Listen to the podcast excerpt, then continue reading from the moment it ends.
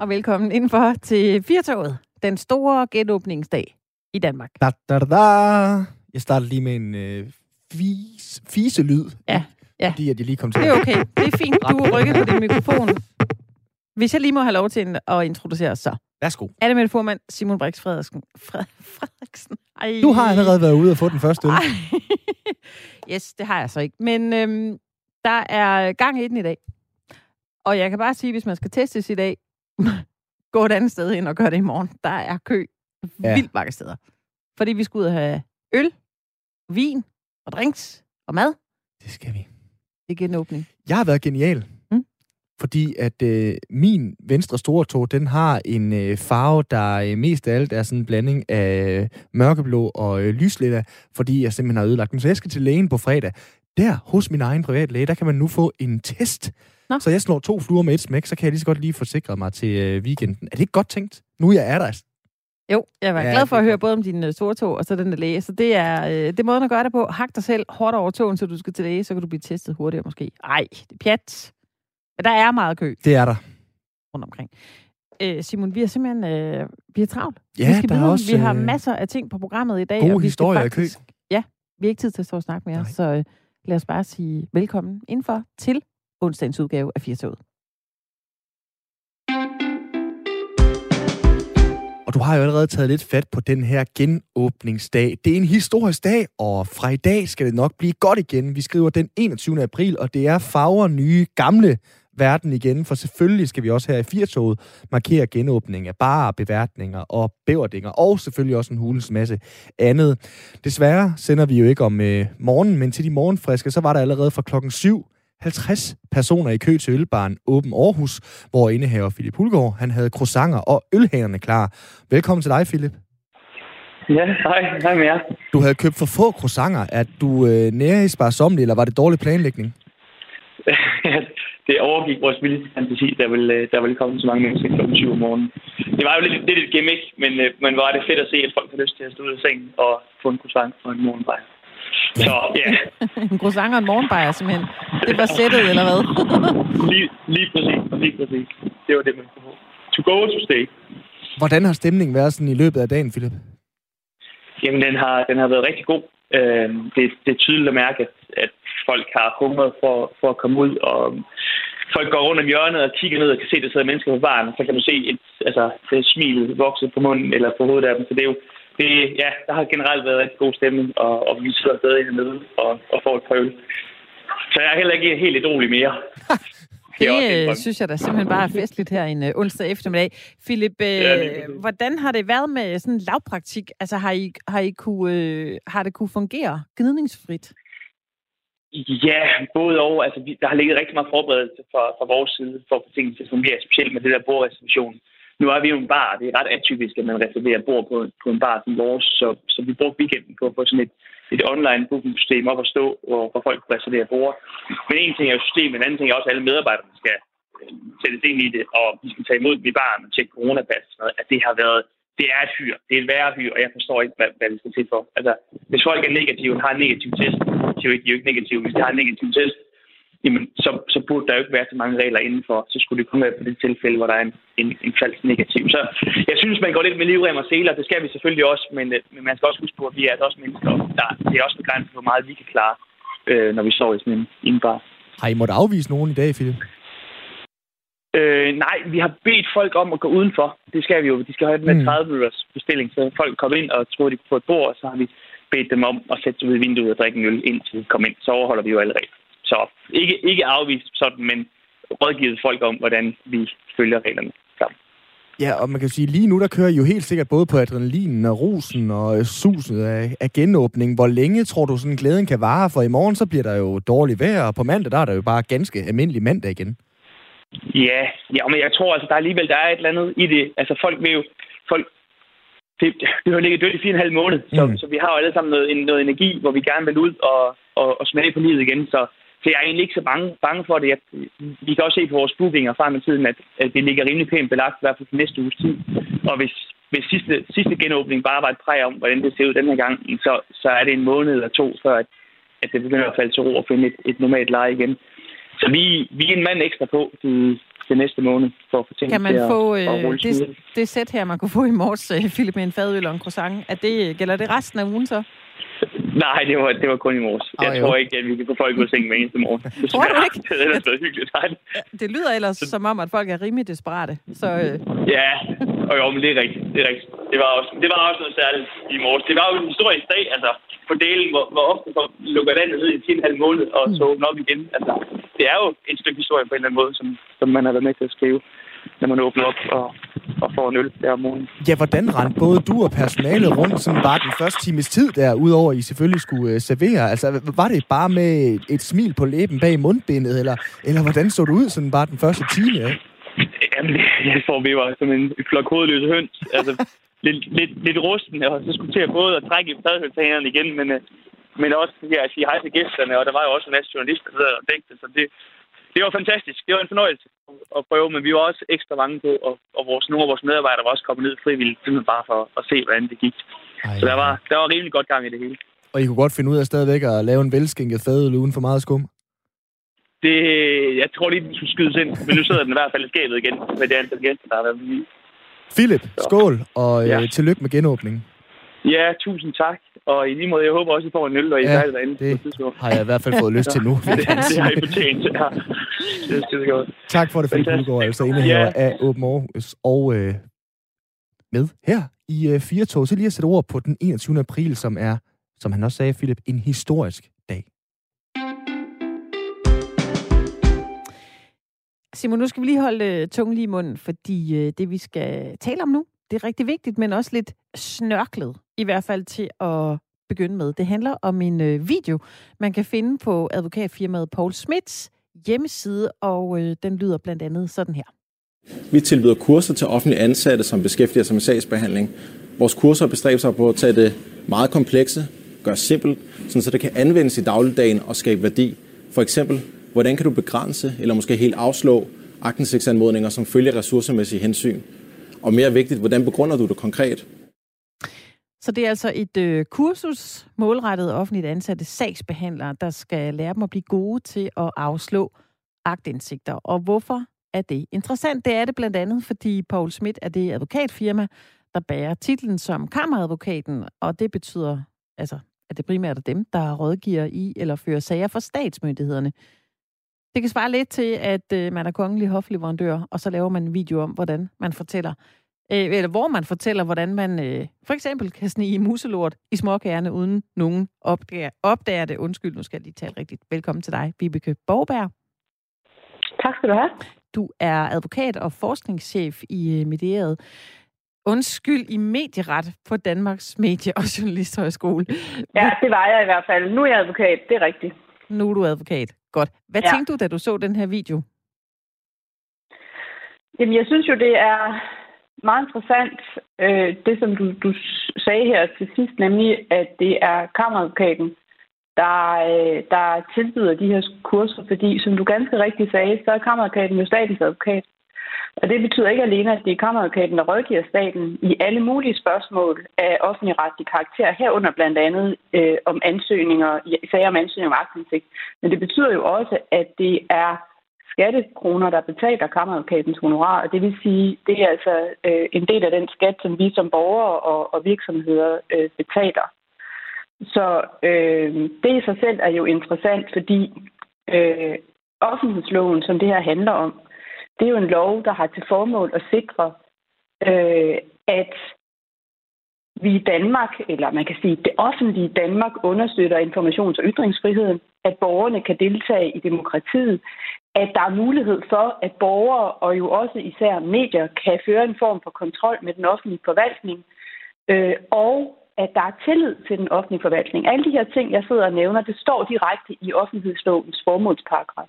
Og derfor har det jo enormt stor betydning, hvordan myndighederne behandler ansøgninger om aktindsigt.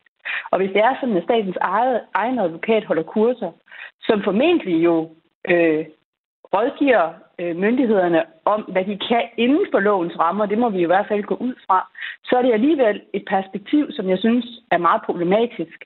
Fordi man kunne også vælge om at sige, hvordan kunne man hjælpe øh, de offentlige myndigheder og embedsmændene med at yde den bedste vejledning til borgere og medier, der søger aktindsigt. Mm. Hvis man havner i en ansøgning, som det af en eller anden grund er muligt at give afslag på, fordi der er hjemmel i loven til det, så kunne det jo være, at borgeren på en anden måde kunne få den her aktindsigt. Og Men, det er jo Vibeke, man kan måske det perspektiv. Der... Ja. Undskyld. Bare tal færdig. Jamen, det er lige præcis det perspektiv, jeg synes, man vælger lidt på hovedet her, fordi at det burde være den anden måde, man så på det på, ikke?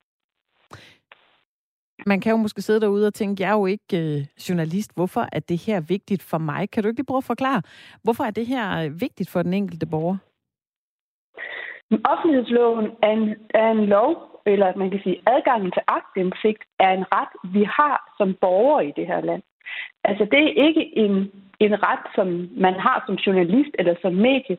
Alle borgere har mulighed for at søge indsigt i de dokumenter, som det offentlige ligger inde med. Og den lov, som øh, er gældende nu, den har jo været kritiseret for at give mulighed for at tilbageholde for mange oplysninger, og flere oplysninger end den udgave af loven, som den afløste her for en 7-8 år siden. Øh, og derfor er, er den her historie jo bare et nyt lag på, at den nye lov og den måde, myndighederne administrerer den på, altså måske ikke altid lever op til lovens intention om, at det er åbenhed, der er formålet. Ikke kun for medier og journalister, men altså også for de borgere, som har behov for eller er interesseret i, hvad der foregår hos det offentlige. For det er en, det er en lov, som på mange måder har en meget høj status, og som har et meget øh, vigtigt formål, Nemlig i en stat som Danmark, som er en velfærdsstat, der er baseret på, at vi alle sammen betaler rigtig mange penge til, at det her samfund fungerer, at der har vi altså som borger mulighed for at følge ret tæt med i, hvad den offentlige forvaltning foretager sig. Det er derfor, at det er problematisk, hvis de kurser, som embedsmændene får, faktisk går ud på, hvordan man kan undgå agtindsigt. Ja, det, det virker jo, Vibeke, helt vildt. Altså, nu taler vi her om et kursus målrettet offentligt ansatte sagsbehandlere, som skal lære dem at blive gode til at afslå agtindsigter. Og nu ved jeg jo godt, at, at du sidder jo som, som advokat og, og er skarp på paragrafer og så videre. Den, der sidder nu og drikker eftermiddagskaffe, og måske ikke lige læser så mange paragrafer. Altså, er det ikke meget godt, at de offentligt ansatte sagsbehandlere, de kommer på et kursus og bliver dygtigere? Det er jo altid godt. Altså problemet er lidt, at jeg synes, at den her tankegang, som ligger bag sådan et kursus her, kolliderer både med intentionen øh, bag, at vi overhovedet har den her form for lovgivning, men jo også med det grundlæggende princip, at offentlige myndigheder skal vejlede borgerne.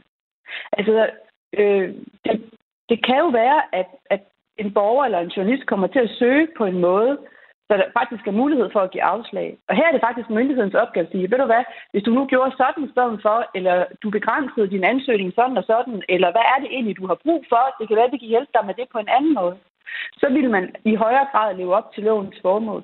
Og man kan sige, det er meget, meget sværere for en borger eller en journalist at håndtere et afslag, end det er øh, så en myndighed at give afslaget. Problemet med at få afslag på aktindsigt, det er jo i sagens natur, at du ikke rigtig ved, hvad det er, du får afslag i, for du har ikke set det dokument, du har, du har bedt om. Og derfor er det utrolig svært at gå op imod de her afslag. Så det bedste, man kan gøre, og faktisk kurser, som jeg selv har, været, øh, har holdt, øh, da jeg var forskningschef på Danmarks Universitetshøjskole, det handlede jo om øh, at hjælpe øh, og klæde de offentlige myndigheder på og i stedet for at sende afslag, hvis man kunne, så indlede en dialog med den her journalist eller borger og sige, hvad er det egentlig, du er interesseret i? Okay, det er det. Men det kan du faktisk godt få. Du har bare formuleret din ansøgning på en måde, så du ligesom er rådet ind på et tidsspor. Øh, så der er jo alle mulige andre måder at se på det her på. Og det, som også er interessant, det er, at lige præcis det kursus, som der så er blevet sat fokus på her, og den her lille bid, I også spillede, det handler jo om, øh, at hvordan en myndighed kan give afslag ud fra den her bestemmelse, der handler om ressourceforbrug. Altså, hvis det kræver alt for mange ressourcer at give agtindsigt på en ansøgning, fordi den er meget omfattende, eller det vil tage meget lang tid at finde materialet frem, eller hvad det nu kan være, øh, så, øh, så hjælper kammeradvokaten altså med at, at, at, at give gode idéer til det. Den bestemmelse, den er i loven en undtagelsesbestemmelse.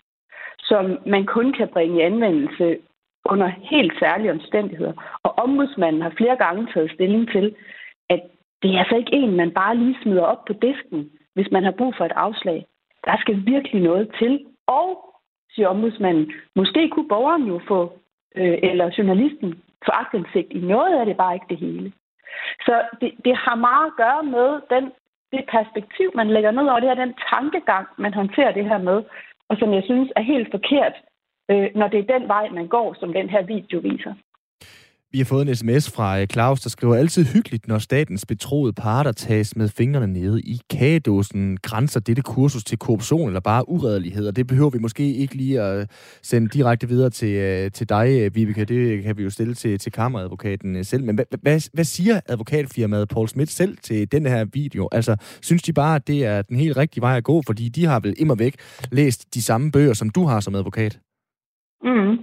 Jamen altså, nu, nu, nu kender jeg kun deres holdning til sagen for det, der har været offentliggjort i dag i journalisten. Og der siger de jo, at den rådgivning, de, øh, de giver på de her kurser, øh, ligger fuldstændig inden for lovens rammer og handler om, hvad for nogle muligheder er der i offentlighedsloven for at give de her afslag. Så de afviser jo, at det er problematisk. Men man kan sige, øh, så, også lidt som jeg sagde før, altså det, det er jo perspektivet, man lægger ned over det her. Det er jo det indtryk, man giver, og det er, det er den vej, man anviser at gå, som jeg synes, der er noget galt med, hvor man kunne have vendt det om og sagt, kommer der en ansøgning, som vil kræve mange ressourcer, så var det måske bedre at tage en dialog med borgerne eller journalisten og sige, hvad er det egentlig, du gerne vil have? Det kan vi måske godt hjælpe dig med, bare på en anden måde.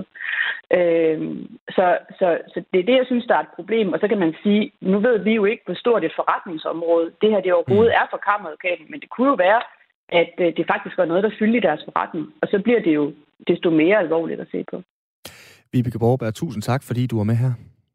Selv tak. Advokat og altså tidligere forskningschef i medieret på Danmarks Medie- og Journalisthøjskole.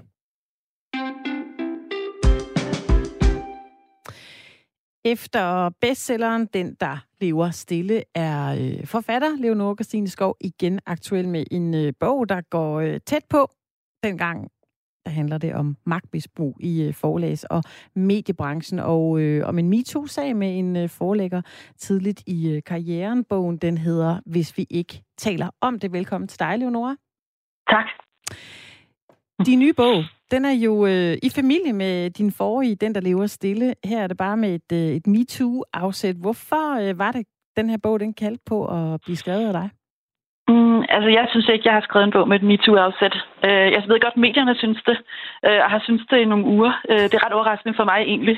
No. Øh, jeg synes, jeg har skrevet en bog, der handler om øh, min meget lange vej til at blive anerkendt som forfatter. Mm. Øh, og det er rigtigt, at der er en MeToo-scene tidligt i bogen, men langt det meste af min bog handler jo simpelthen bare om, om et parallelspor til det, jeg havde med min, min mor, min mormor og mig.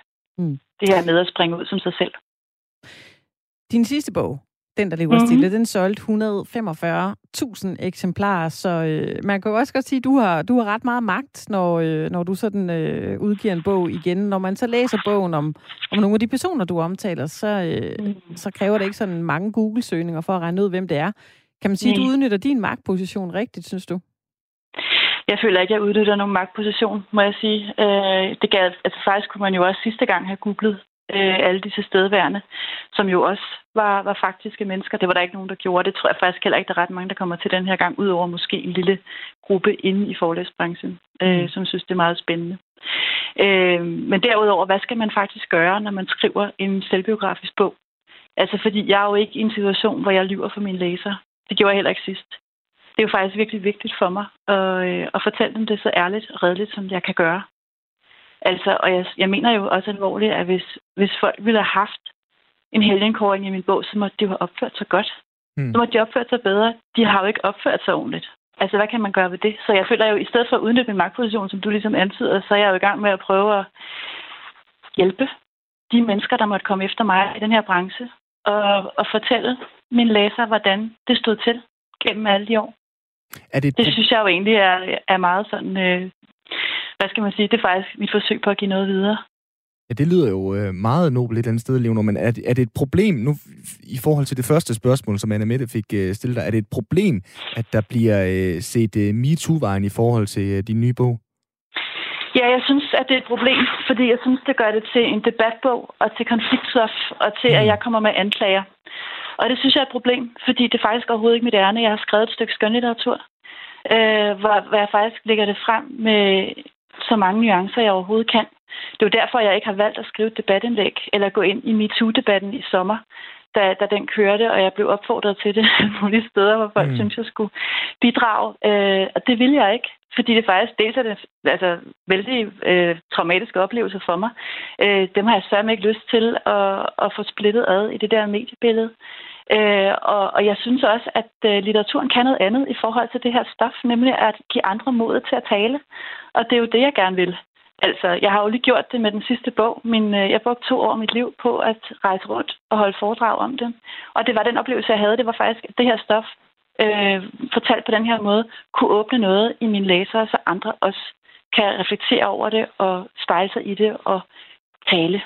Mm. Øh, og det vil jeg jo meget nødig have ødelagt ved, at det bliver sådan et konfliktrum, hvor man øh, ser på forsiden af politikken, jeg er smækket op, og tænker, okay, jeg tror bare, jeg holder mund for nu af, fordi det her er da helt forfærdeligt.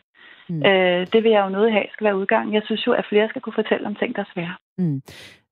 Lige for at blive ved øh, politikken, så udtaler du i en, øh, i en artikel til politikken.dk, at øh, der er for få undskyldninger for, øh, for dårlig opførsel i verden. Ja, der er en korrekt. tendens til, at øh, siger du folk, der gør noget dumt, de enten står og vræler, eller også holder de kæft, og så siger mm. du, jeg synes, der er en tredje vej.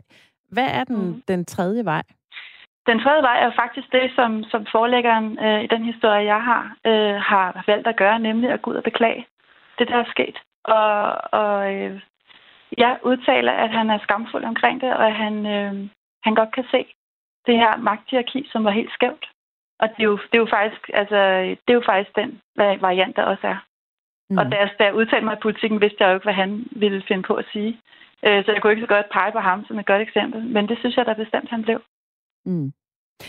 Forlæggeren øh, skriver, han, øh, han øh, ja, er også citeret i en øh, artikel på øh, Politiken, hvor han, øh, mm.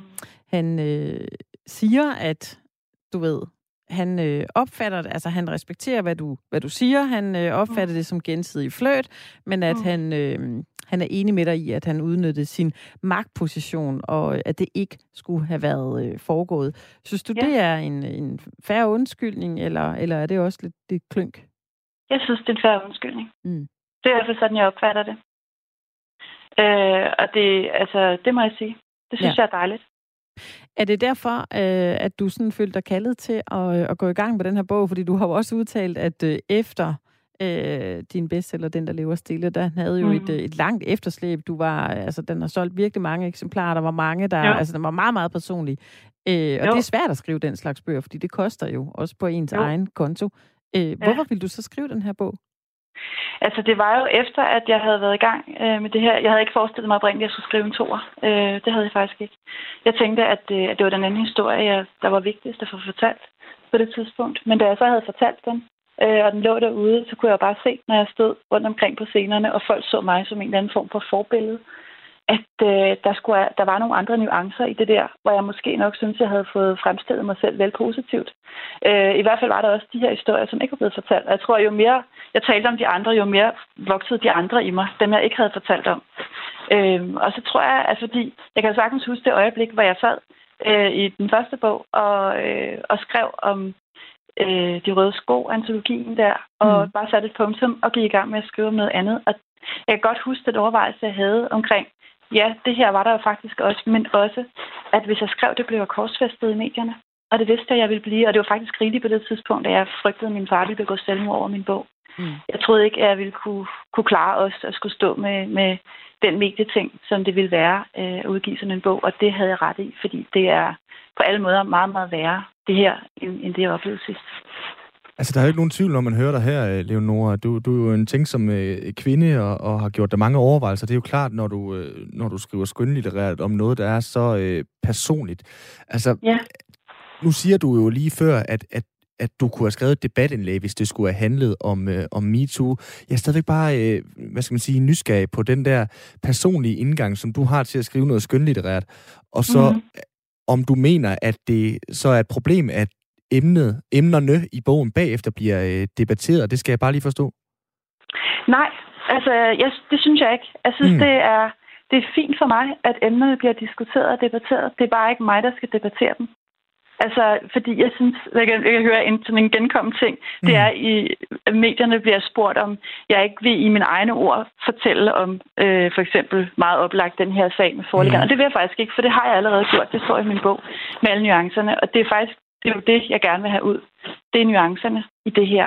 For det er jo ikke bare sådan, at han var en idiot, og jeg var da øh, uden skyld øh, og ansvar i det, der sker. Jeg vil bare gerne dele skylden og ansvaret med nogen, for nu har jeg stået med det hele i 20 år selv og troede, det var min egen skyld. Så jeg tænker egentlig, det bare var, det var for at ligesom, dele noget her. Øh, og, og sådan nogle nuancer er ret svære at få frem i, i sådan en debatform. Og, mm. og, og jeg kan bare ikke stå med noget, noget stof, der er så øh, svært for mig at blive beskudt. Det er bare det. Øhm, dybest set vil jeg mene, det er det samme som sidste gang, hvor, jeg jo, hvor der heller ikke var nogen, der indkaldte mig til debat om, hvad ved jeg, øh, elskede din mor eller ej, eller hvad mm. det måtte være, som også har været svære ting for mig. Ikke? Det kan man mm. godt se, at det er jo nok en dårlig debat.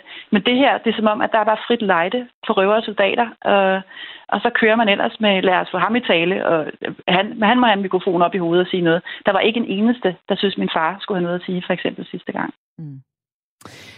Tak, fordi vi måtte øh, tale med dig, Leonor Christine Det er velbekomme. Og øh, tillykke med bogen, i hvert fald, hvis vi ikke taler om det, den udkommer tak. i morgen. Ha' en fortsat god dag. I lige måde.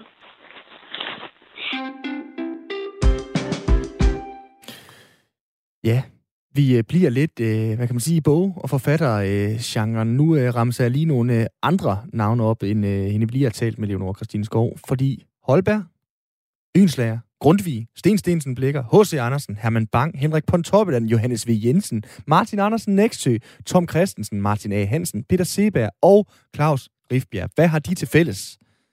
Alle elever på gymnasierne, de skal læse en tekst af dem, og så er de alle sammen mænd. Og så er der lige Karen Bliksen.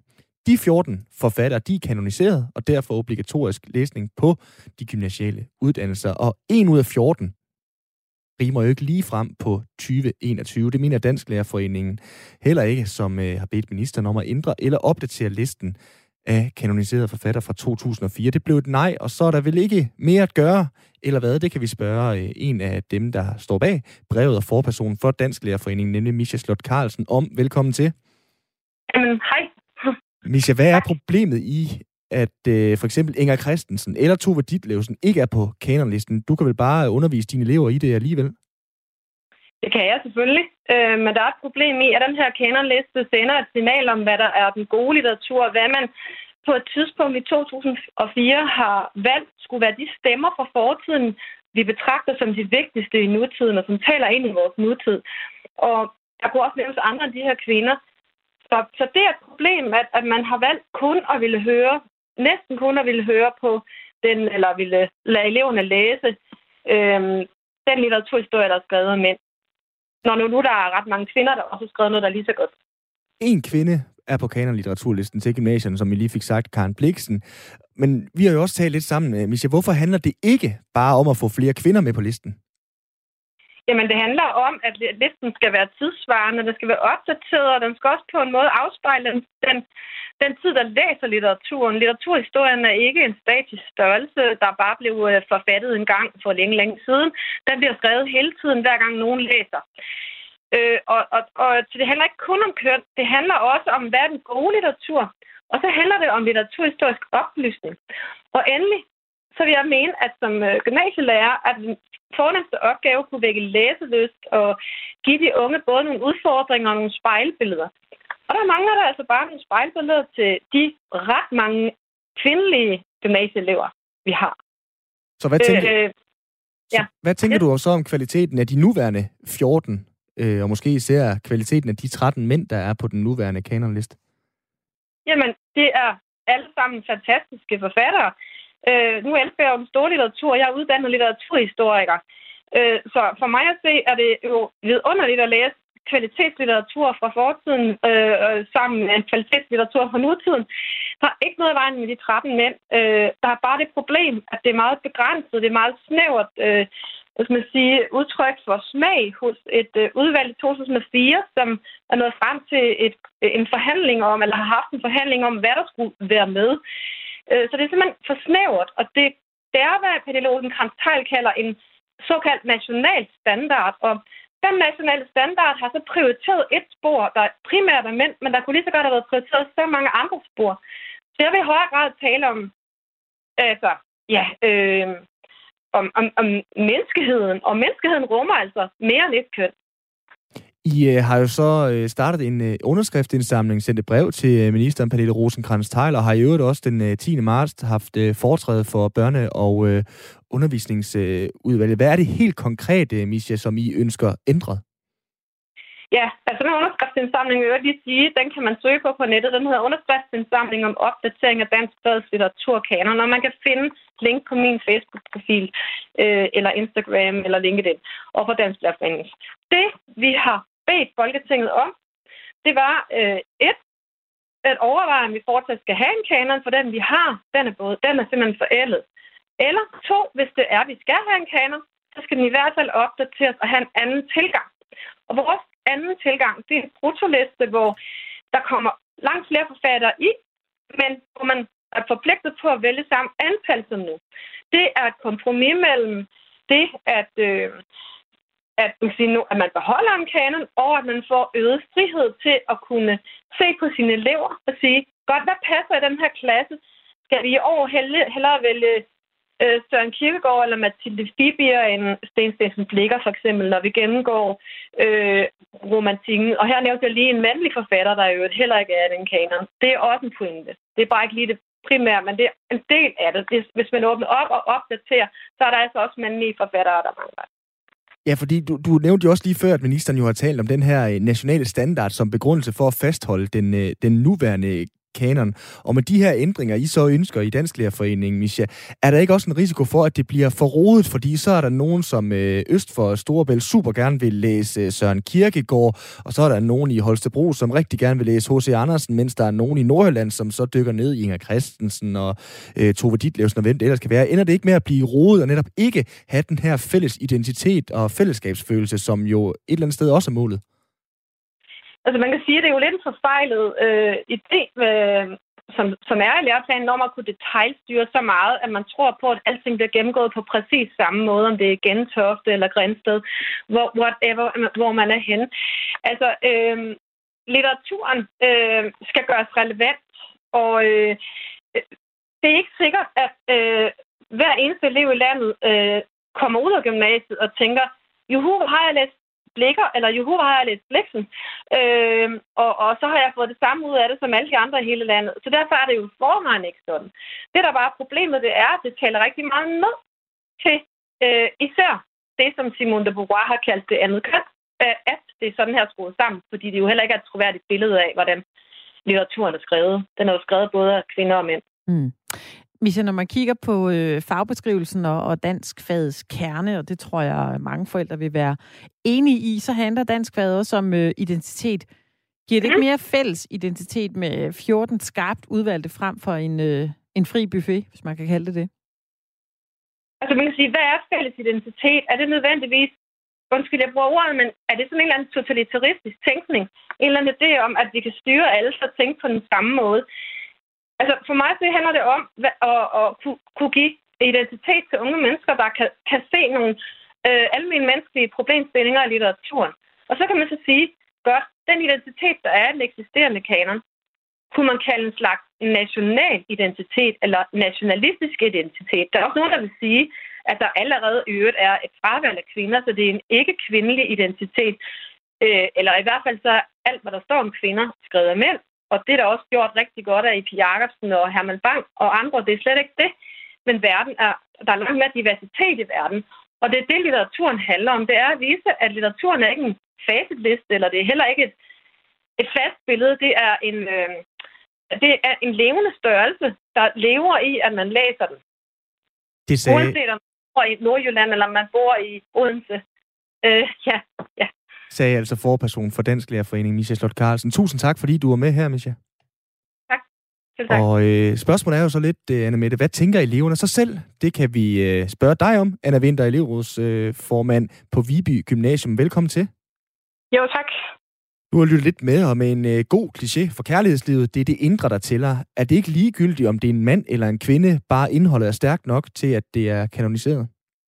Jo, det kan man vel godt sige, men nu hvor man har lavet sådan en her meget, meget fin liste, så skal man også huske på, hvad for en signal man ligesom sender. Så siger man ligesom, at de, det indre her, for dem tæller mest, men hvor er så nogen som Søren Kierkegaard, som Misha også ligesom øh, pointeret, eller Amalie Skram for den sags skyld, at de ikke lige så meget, har det rummer de ikke lige så meget indre, som øh, alle de andre på den liste gør. Hvad har I snakket om sådan eleverne imellem, eller måske endda øh, jer piger på øh, gymnasiet imellem i forhold til det her, Anna? Jo, men øh, sidste år der gik jeg jo i første G, hvor vi skulle skrive vores dansk historiske øh, øh, opgave, sådan en større opgave. Øh, og den, øh, den, jeg valgte at skrive om kvindefrigørelse, og det eneste grund til, at jeg øh, fik en tekst, som blev skrevet af Amalie Skram, var ligesom fordi, jeg tog den her vinkel, som handlede om, øh, om kvindefrigørelse, at jeg så fik en kvindelig øh, forfatter, for eksempel. Øh, og det synes jeg var problematisk, at man ligesom siger, man skal selv vælge det. Det er ligesom en anden række, i stedet for, at det bliver en normal ting, at man, man ligesom også hører fra nogle kvindelige forfattere. Hvorfor kommer Amalie Skram for eksempel ikke også på den øh, top, toplisten, kan man sige? Hvorfor er det noget, der kommer bagefter som sådan en anden, anden rangsvalg? Anna, hvem gad du godt at have med i en, øh, i en opdateret kanon? Jamen, nu, nu har jeg selv sagt Amalie Skrammen en del gange, og hende synes jeg også kunne være mega fed at komme med på. Der er en række andre, men jeg synes også, det er lidt underligt, at øh, Søren Kierkegaard for eksempel heller ikke er med på. Øhm, og han er jo ikke en, en mand for, det, for den sags skyld. Så det der med, at man ligesom har fastlagt en liste, som er den nationale øh, liste, vi skal gå ud fra, det synes jeg er lidt sjovt. Altså, fordi at så, så, så vælger man nogen fra, øh, mens man vælger andre til. Og det synes jeg jo er, er lidt, øh, lidt ærgerligt, især når den liste ikke er blevet opdateret, og at Pernille Rusgaard Fejl ligesom ikke heller har lyst til at opdatere den. Øhm, fordi så tror jeg, at der er en hel masse folk, der ligesom går i glemselen. Øh, og man kan sige, hvis man siger det groft sagt, så er der jo, vi bliver jo kun, vi kender jo kun de forfattere, vi bliver introduceret for. Øh, og hvis den liste ligesom af forfattere, vi skal introduceres for, den ligesom er forældet, så, så sidder vi jo bare alle sammen i det samme hak. Men du øh, valgte jo alligevel selv at gå på øh, opdagelse og gå på jagt efter øh, Amalie Skram. Altså, er der ikke et eller andet sted en, en risiko for, at det her det ender i sådan en øh, stor slikbutik i dansk øh, fad? At der er nogle øh, lærere, som lige øh, plukker de øh, vingummier og slikker slik, de godt kan lide, som så bliver nogle forfattere, nogle de plukker nogle andre, og så, og så mister den der øh, dannelse og identitet, det der fællesskab, som jo også er målet. Det kan man sige, men jeg synes egentlig, det er meget godt, at man ligesom åbner det op, fordi jo flere der er at vælge mellem, jo flere er, er der også for eleverne ligesom at kunne identificere sig med. Og jeg synes, noget, der er også ret vigtigt, det er jo, at man ligesom laver en sammenkobling fra øh, noget gammel tid til noget ny tid. Så for eksempel at sige, hvad skete der i, øh, i, øh, i oplysningstiden, som man kan, man, kan, man kan spejle til i dag, og hvad for nogle forfattere var der dengang, som ligner nogle af dem, der er fra i dag. Så det der med at sige, at der, der behøver ikke at være nogen fastlagt øh, national altså sådan identitetsfølelse omkring nogle, de, nogle enkelte forfattere, men hellere brede det ud og sige, øh, altså sådan, så, så er større sandsynlighed for, at der er nogen, man kan identificere sig med. Men bør man overhovedet sådan diskutere øh, kanon med, med jer elever? For man kan sige, lige i øjeblikket, der er det jo rigtig meget op i tiden at, øh, at tale om, om kvinder og kvinders rettigheder, apropos MeToo, vi lige havde Leonora Christine Skov med før. Altså, ikke, er der ikke også en, en, en øh, risiko for, at tiden den også mudrer det billede af de forfattere, som I skal læse i gymnasiet? Nej, men det forstår jeg simpelthen ikke, hvordan det kan mudre tiden. Det tænker jeg, der kun gør det godt. Altså, man, man, ligesom, man ligesom følger med tiden, og det ikke bliver sådan en statisk mm. ting. Det kan jeg simpelthen ikke forstå, at man ikke har lyst til, eller ser det som en god ting. Øh, det der med, at man... Og så inddrage eleverne for fanden. Altså, det, man kan jo sige, at jeg er da glad for, at der er nogen, der gad at inddrage mig. Øh, og i, i det hele taget, og der er nogle, øh, nogle dansklærer, der faktisk siger, at vi vil også gerne have noget at skulle have sagt i det her, så lige så vel som eleverne vil. Øhm, så jeg synes faktisk, det, det, det er ret vigtigt. Ja. Så fik jeg også øh, det svar på tiltale. Det er jeg glad for, Anna. Jeg er glad for, at du gad at være med. tak. Altså Anna Winter, elevrådsformand på Viby Gymnasium, og som øh, Misha som vi havde med før, Anna fik sagt, så kan du øh, vælge at støtte den her underskriftsindsamling. Vi har også forsøgt at få et svar på børne- og undervisningsminister Pernille rosenkrantz Tejl fra Socialdemokratiet, men det har ikke været mulighed til det. Der har hun tidligere afvist at ændre på listen fra 2004. Nå, Simon, hvis du nu skal på, øh, på bar i aften, lad os bare sige det. Du kommer hjem, du skal lige ned og nyde den her genåbning. Er du så okay med at fremvise et øh, coronapas?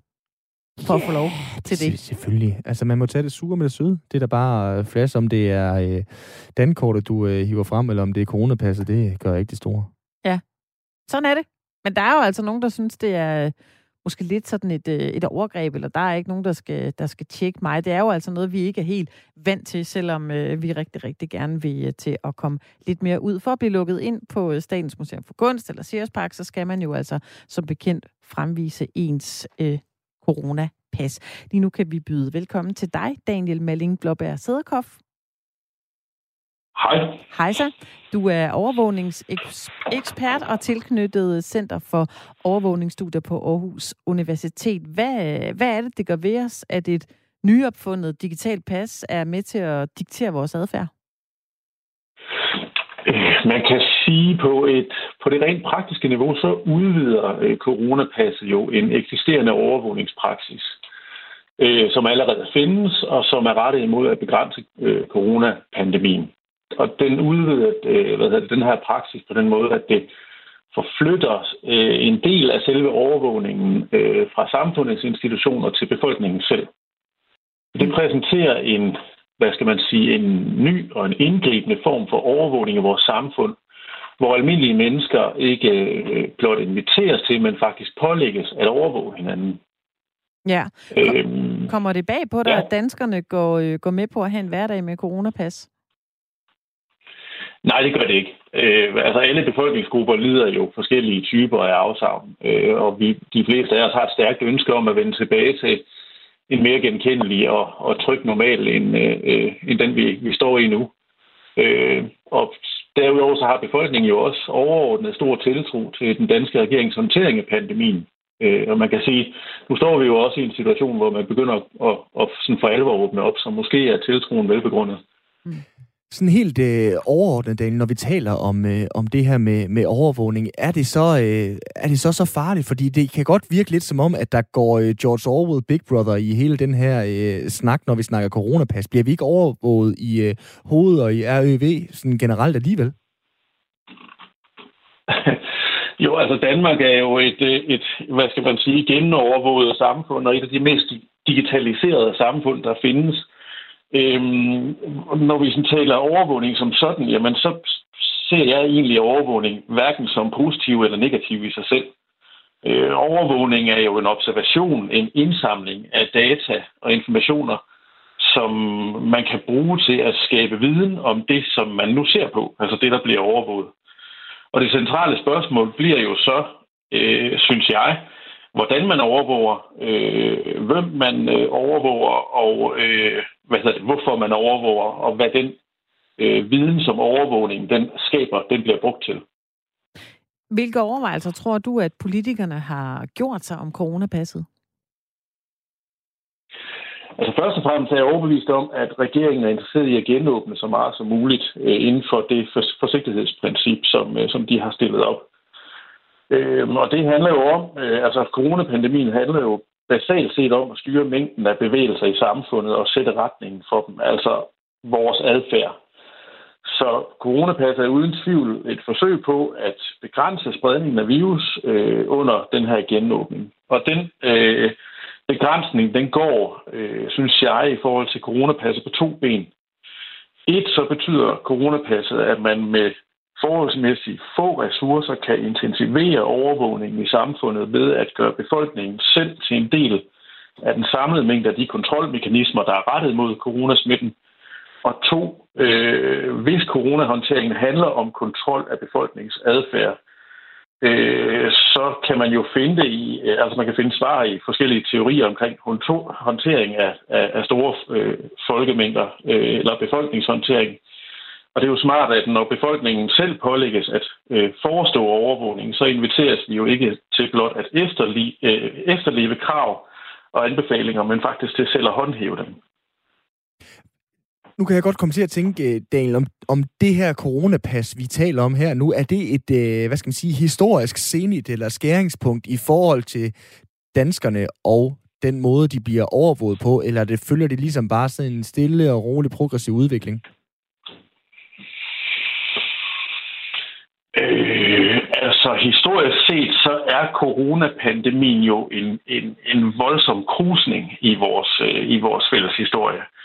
Øh, vi har set krusninger før, øh, men, men det her det er så vores store historiske øjeblik, øh, kan man sige. Så, så jeg synes, det er svært at skulle indplacere, øh, hvad hedder det, ud fra et overvågningsperspektiv, eller ja, at, at skulle ligesom sige, at det er en almindelig eller normal eller forventelig videreførelse af, af en mm. eksisterende praksis. Men det er også fordi, jeg kommer jo til at tænke på, nu står øh, du og jeg jo her, Daniel, og taler øh, om det, om coronapas, og vi øh, hørte fra en øh, indehaver af en bar i starten af timen, i den her time, at, at der jo også er lidt bøvl forbundet med det. Det får jo en, en øh, uforholdsvis stor mængde opmærksomhed, det her coronapas. Og så er det jo bare min undren, der er, jamen, er, er det her så øh, grænseoverskridende, som øh, der måske bliver lagt ud visse steder i medierne?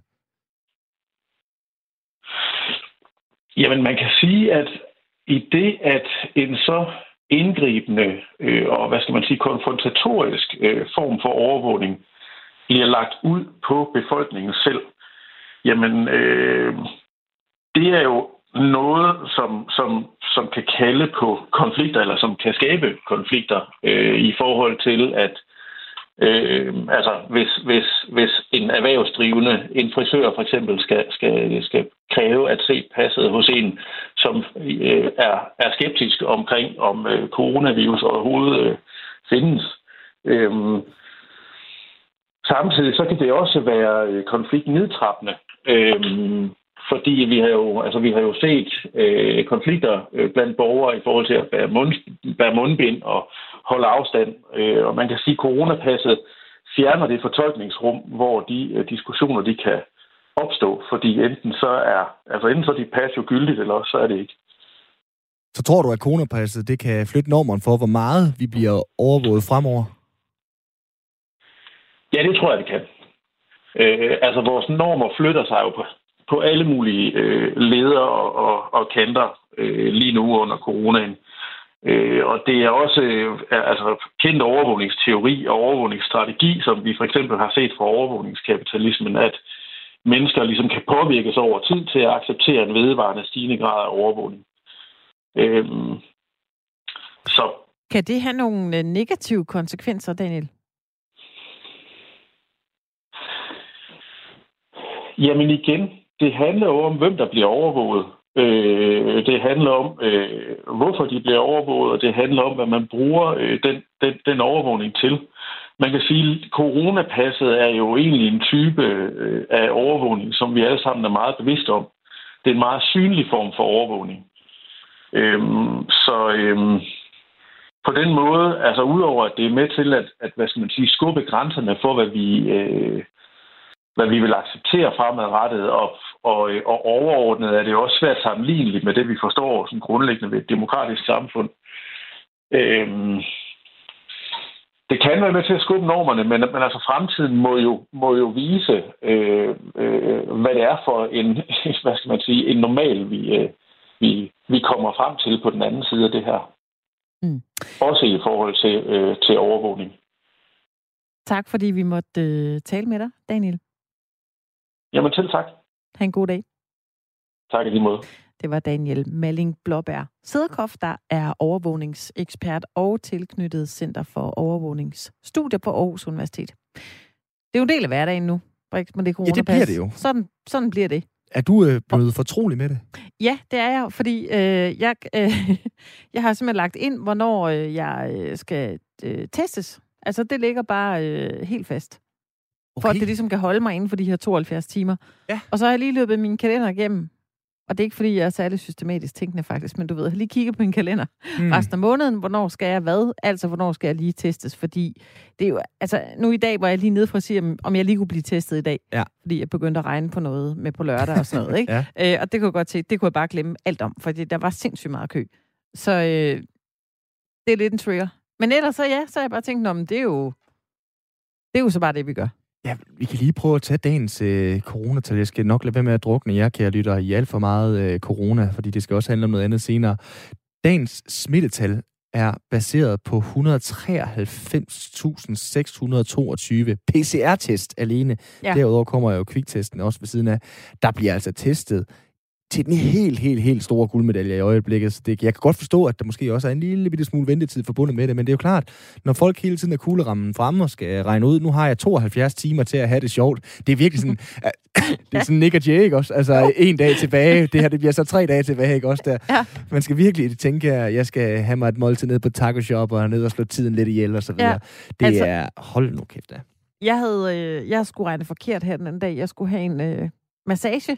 Altså, Mm. øh, det trængte jeg virkelig til. Ikke Ja. ovenpå, vi sidder ned meget i vores job og sådan noget. Det er godt, at man kan det. Nå, det er lige meget. Jeg regnet forkert. Så jeg var nødt til at ringe og aflyse min Nej. tid. Jo, fordi, og jeg ved ikke, jeg havde bare øh, skrevet det forkert ind i min, min øh, kalender, og så er der jo altså, så er der jo ikke noget at gøre. Ja. Det var da åndssvagt. Det er Nå. sådan, det er. Men det er sådan, det er. Hvad skal du have at Præcis. spise til aftensmad? Øh, det ved jeg ikke. Nå, Ved du det? Det var Allerede et dårligt afsæt. Jeg skal have rester. Det var et dårligt Nå. afsæt til, øh, til den snak, som Okay. øh, vi har nu. Har du været nede at handle? Det kan jeg så regne ud, det har du ikke. Jeg har sendt mine børn ned for at handle i dag. Gud, hvor du driver Jeg tror, vi skal rovdrift på dem. Vi skal Ej, have ja. onsdagskylling. Onsdagskylling? Ja. Ej, ja. Lyder Ja. fedt. Mm. Øh, er det i Føtex? Ja. Er det rigtigt? Ja. Så øh, trodser I simpelthen Per Bank, der er CEO Nå. i uh, Selling Group, som øh, står bag Føtex. Han, øh, de har åben Føtex, det kan du godt sørge for at sige til dine knejder, men øh, han siger, i dag, der handler du bedst ved at spise ude. Nå. CEO i Selling Group, han er simpelthen ude og sige, vi behøver ikke kunder i dag. Vi vil faktisk gerne have jer til at tøffe rundt et, øh, et andet sted. Han har simpelthen lagt et øh, tweet og et billede op, og øh, er blevet bakket op af, af alle mulige andre i, øh, ja, nogen kalder det lidt et marketingstunt, men han skriver simpelthen øh, på et billede af en kniv og en gaffel. I dag, der handler du bedst ved at spise ude. Restauranter og caféer har længe haft svært, nu der endelig åben for servering igen, og spisestederne er sultne. Det er vi måske i virkeligheden alle sammen. Så for en gang skyld, der håber vi, du vil springe indkøbet over, og i stedet gå ud og spise. Så gør du dit til, at de lokale restauratører kan blive ved med at sætte mad på bordet. Vi ses bare i Føtex en anden dag. Det har vi helt sikkert også åbent. Sådan. Det er Store glade armbevægelser for Nemlig. Føtex-direktøren, eller Selling, Selling Det er da. Det er da dejligt. Det er da fællesskab. Det er da da næstekærlighed. øh, næstekærlighed Ja. til den helt store guldmedalje. Skal vi lige tjekke, Ja. ja. hvad øh, Føtex' øh, overskud var på sidste år i forhold til, hvor meget det koster at lave sådan noget? Ej, Det er det, jeg der siger. til. Det kan han af sagtens sige. Øh, jeg har godt nok købt meget takeaway. Ja. Så jeg vil sige, jeg støtter lokalt. Men onsdagskylling, Føtex, den er I altså selv udenom. Så kan I Ja. lade være med at have den så, hvis ikke I vil have, at jeg skal købe den. Det er en del af traditionen. Jamen, det er rigtigt. Onsdags snegl har de også. Ja, det er noget helt andet. Ja, det er det. Ja, det må jeg ikke spise. Men onsdagskylling, det er fint. Øh, ja, men jeg ved ikke, altså, har du planlagt steder, du skal ud og spise selv? Ja, jeg har plottet ind øh, de fleste weekender i øh, maj. Der ja. skal jeg faktisk ud og spise. øh, jeg har til gengæld ikke plottet ind, hvornår jeg skal teste så, for at få det gjort. Det øh, kan godt blive noget bøvlværk. Hvor skal du hen? Jeg skal jo ud på forskellige øh, restaurationer og spisesteder. Jeg skal faktisk allerede nu på søndag, har jeg lige sørget for at bestille til, øh, hvad skal man sige, øh, nationalretten i Danmark. Mm. Brunch. Ja. Altså, det spiser alle jo, så det er jeg selvfølgelig også lige bestilt til, fordi Ja. jeg gerne vil ud og, og se. Men jeg glæder mig bare til, at der er nogen, der gider servere for mig. Jamen, altså, det er det, der er så fedt. helt suverænt. Ja. Og, øh, fordi når jeg får serveret mad for mig derhjemme, så føler jeg mig jo grundlæggende super privilegeret. Men jeg ved også godt, at regningen ikke er i kroner og øre, men i forhold til, jeg skal så tage opvasken. Det er helt fair. Det er sådan øh, ting, at de det nu engang er... dig? Det er sådan, vi nu engang indretter ting nogle gange. Noget for noget. Øhm, og, og på en café, det er bare rart at kunne strække benene lidt så tilbage, smække solbrillerne op i panden og armen over kors, og så kommer Ja. der en og siger, skal jeg lige tage den tallerken? Ja. Nej, der er tre pomfritter tilbage, det skal du ikke. Og det er bare fantastisk. Det er bare nice. Øh, jeg bestilte øh, bord på et hotel, hvor der er sådan noget søndags øh, lavkage, sådan noget kagebord. Ah, Det elsker du har lige sagt, øh, du mig, må få onsdagsnegle. Ah, nej, men det er jo kagebord. Det er om, det er om lidt tid. Øh, og så vil jeg bare sige ja til falds for alle de nyhedsbreve, der lokker lige nu med gode tilbud. Kom og bo på vores hotel for en virkelig billig penge. Det bliver dyrt. Ja, det Brix, bliver det bliver dyrt, selvom det er dyrt. billige penge. Give me a cool corona. Skål. God dag fra øh, Luna på Nørrebro bliver der øh, skrevet. Vi har abstinenser alle sammen, så vi siger bare skål. Glædelig genåbningsdag. Og husk nu at lytte med i Firtoget også i næste time. Der har vi også øh, masser af gode historier Det i øh, kø til jer. Men øh, allerførst, så skal vi øh, selvfølgelig lige have nyheder her på Radio 4. Dem får du 5 minutter af. Og når klokken så bliver 16.05, så er Anna Mette Furman og Simon Brix Frederiksen tilbage med... Men fødselsdag, vi skal fejre. Åh oh, ja, det en er rigtigt, ja. Det er jeg spændt på. Kongelig fødselsdag. Så vil jeg ikke afsløre mere. Vi holder kæft. Klokken den er nemlig 16.